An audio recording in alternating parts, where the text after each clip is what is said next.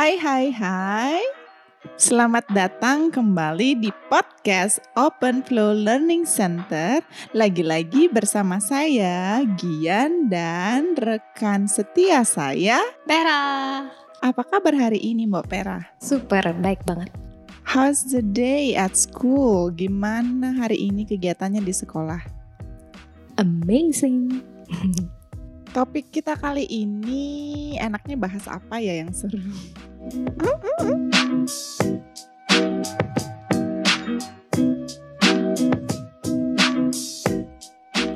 apa kabar hari ini? Hmm, Susah kan jawabnya? Iya benar, mendeskripsikan perasaan itu ternyata tidak semudah dulu ya. Tidak semudah menggoreng telur. Eh, hari ini produktif mengerjakan urusan administrasi, operasional. Mungkin ini pengalaman baru buat saya ya Mbak Pera ya.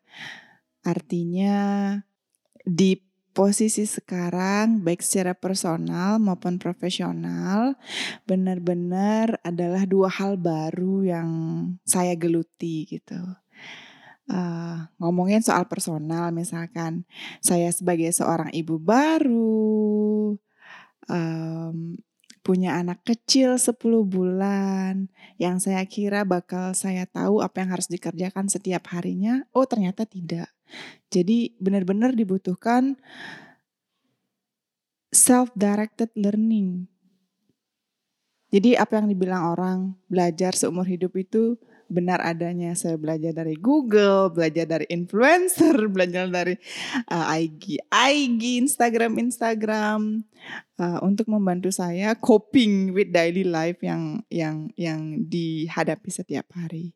Nah, di satu sisi peran uh, sebagai kepala sekolah di Open Flow Learning Center juga hal yang uh, setiap harinya saya terus belajar uh, terus bertumbuh, uh, tapi juga apa ya menumbuhkan menumbuhkan skill keterampilan baru, uh, terutama di bidang komunikasi. Masalah komunikasi itu sangat krusial. Kita sebagai penjembatan antara founder dengan teman-teman, uh, bagaimana menyampaikan supaya pesannya nyampe itu seperti case selalu baru, solusi selalu baru, tantangannya juga selalu baru. Jadi kalau dibilang susah atau tidak, ada susahnya, ada senangnya.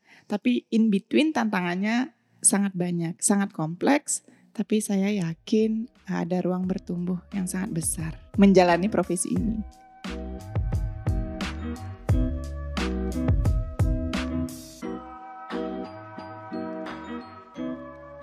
Oke, kali ini ada topik yang sangat istimewa, yang sangat relevan ya dengan Open Flow Learning Center. Uh, ini menarik dari hasil riset terhadap uh, kurikulum terbaru Republik Indonesia yang dicetus oleh Mas Menteri dan jajarannya di Kemdikbud. Jadi organisasi penggerak, Ibu Pera pernah dengar?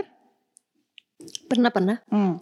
Oke, secara umum saya berikan gambaran seperti ini bahwa uh, setelah berbagai macam uh, kurikulum pendidikan yang diterapkan, kemudian setelah sekian lama diuji cobakan dan melalui beberapa kali assessment ya uh, didapatkan hasil-hasil yang tidak begitu memuaskan terhadap kemajuan pendidikan Indonesia.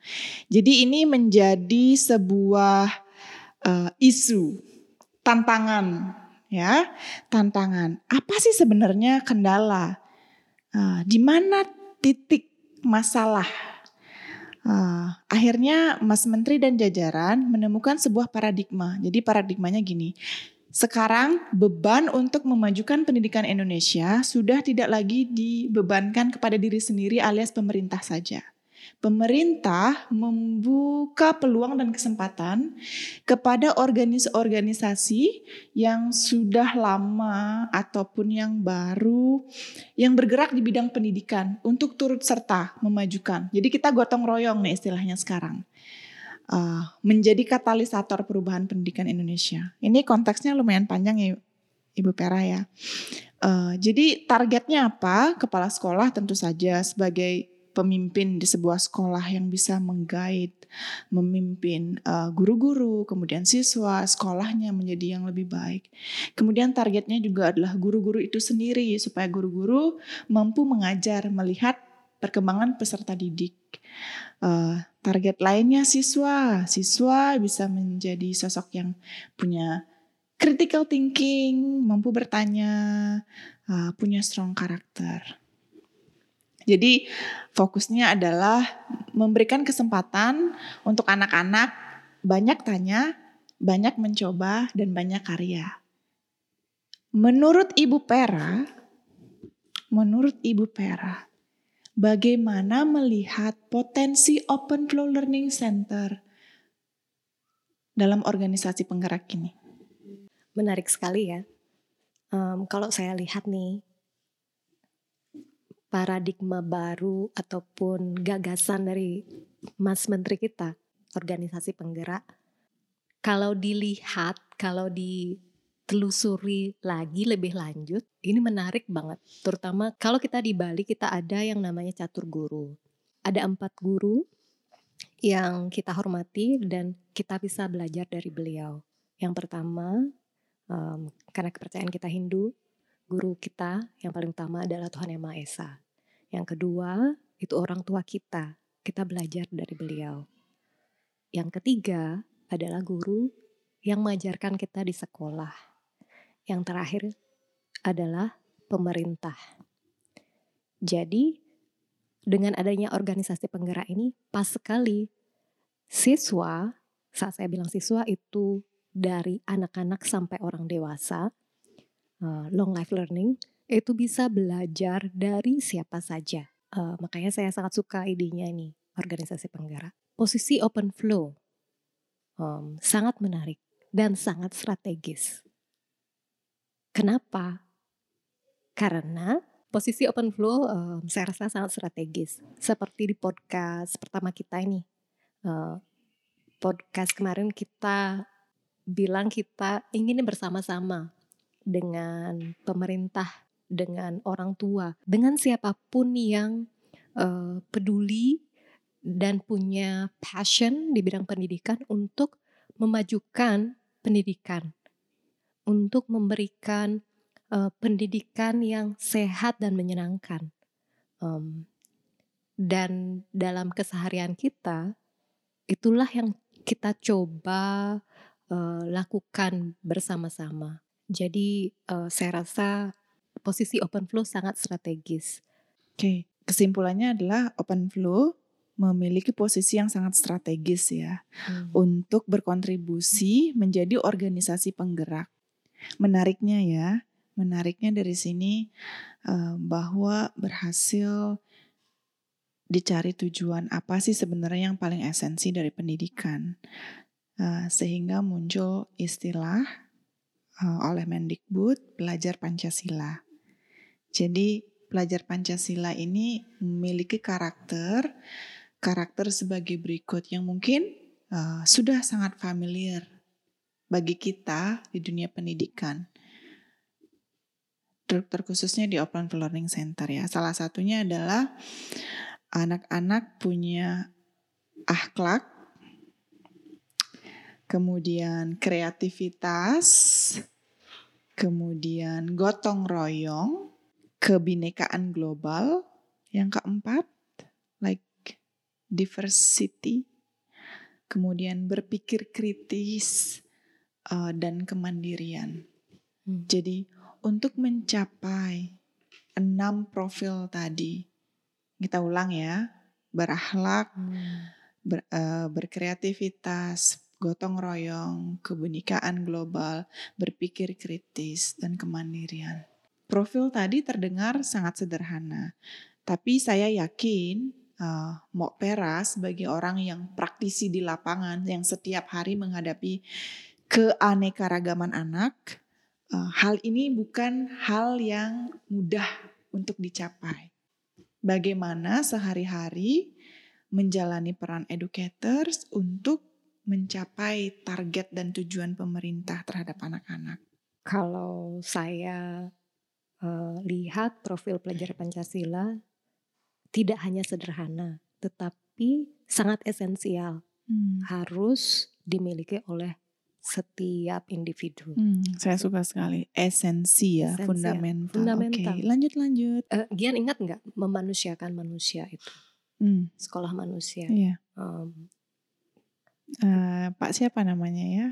kenapa sih kita perlu pergi ke sekolah? Hmm, Kenapa anak-anak mm-mm, perlu bersekolah sejak usia dini? mm-mm. Tujuannya apa? Ini kan pertanyaan untuk setiap individu, setiap orang. Mungkin setiap orang tua ya, Setiap- seperti saya misalkan yang mau punya anak mau sekolah nih, pertanyaan penting tuh, kenapa saya mau entering my kids to a school? Mhm. Kenapa? Apa alasannya? Jadi, Kenapa kenapa mengirim anak ke sekolah Hmm, untuk orang tua? iya. Dan pada saat anak sudah dewasa, em, sudah bisa membuat keputusan sendiri, kenapa perlu bersekolah lagi atau melanjutkan ke jenjang berikutnya? Apakah untuk mencari pekerjaan? Ataukah apakah untuk mencari title? Atau apakah suka belajar? Saya pernah mendengar bahwa salah satu tujuan pendidikan untuk memanusiakan manusia. Manusia itu em, kriteria memanusiakan manusia itu apa? Menjadi manusia itu apa cirinya? Em, yang membedakan kita dari maaf misalnya bisa dibilang makhluk yang lain. Kembali lagi ke profil pelajar Pancasila. Kenapa saya bilang esensial? Untuk menjadi manusia, dalam ini kita khususkan pelajar, mutlak atau eh, sangat esensial, sangat penting mereka berakhlak. Mereka punya spiritualitas yang tinggi. Mereka punya rasa empati. Perlu berkreativitas agar bisa bersaing, agar bisa em, membuat sesuatu, agar bisa berkarya. Hmm. Gotong royong, berempati bisa bekerja sama dengan orang lain, dengan masyarakat sekitarnya. hmm, Kebinekaan global perlu memiliki eh, pemahaman bahwa di dunia ini hmm, tidak hanya ada satu jenis manusia. Berpikir kritis dengan begitu banyaknya eh, tantangan di dunia ini, perlu berpikir kritis dalam mencari pemecahannya, perlu berpikir kritis dalam mencari solusinya, dalam membuat keputusan, open-minded dan mandiri.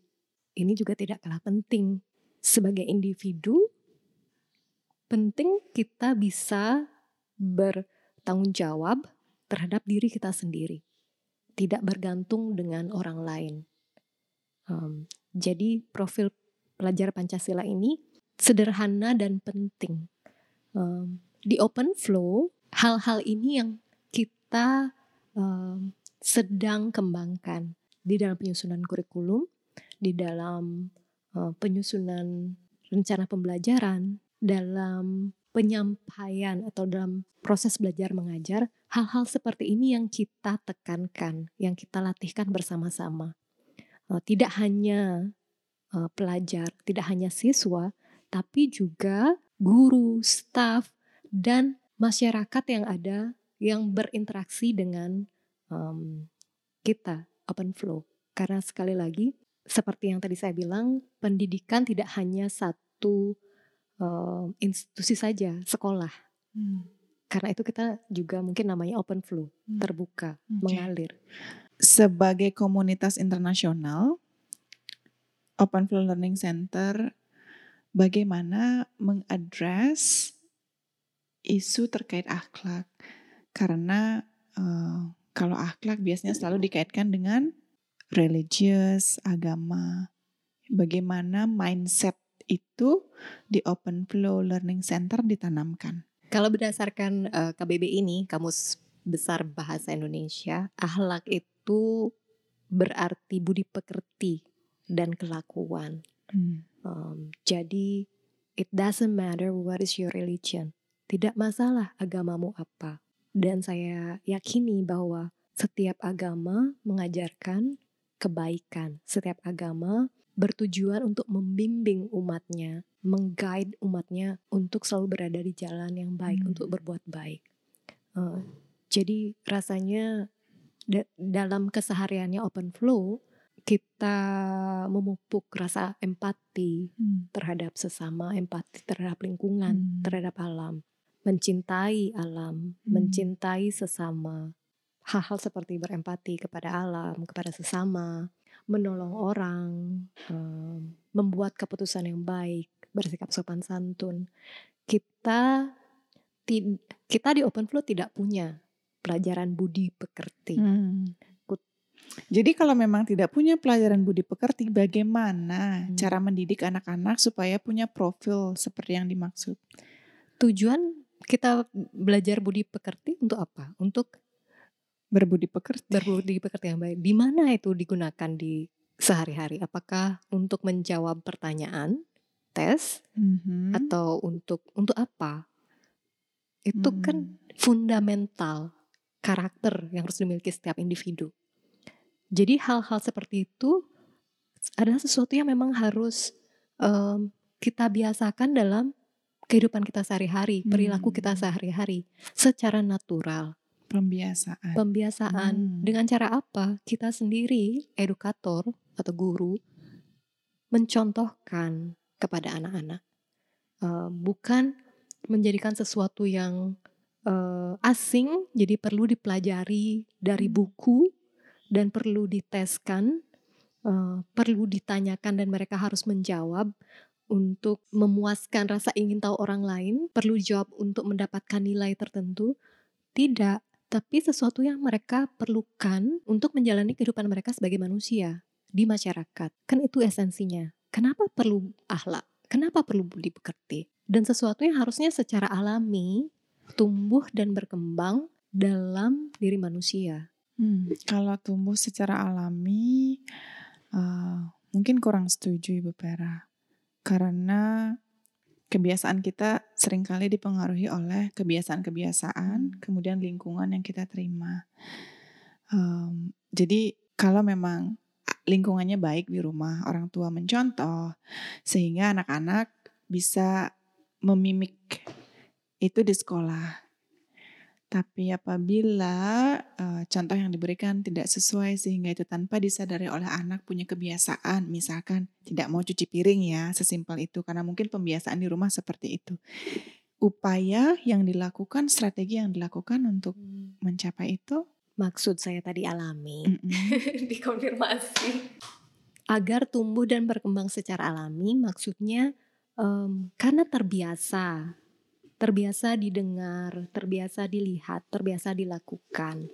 Eh, jadi itu menjadi sesuatu yang alami dilakukan oleh anak-anak. Eh, Gian memberi contoh mencuci piring. Nah di open flow anak-anak mencuci piring eh, makan siang mereka sendiri. Jadi kita makan bersama dan setelah mereka selesai makan, mereka harus mencuci piring, uh, sendok, garpu yang mereka gunakan sendiri. Dan ini pun uh, perlu proses. Caranya seperti apa? Uh, kita sebagai orang dewasa, kita sebagai guru menyiapkan apa yang dibutuhkan anak-anak agar menjadi mandiri. hmm, Itu yang pertama. Kita memberikan uh, instruksi yang jelas, Hmm.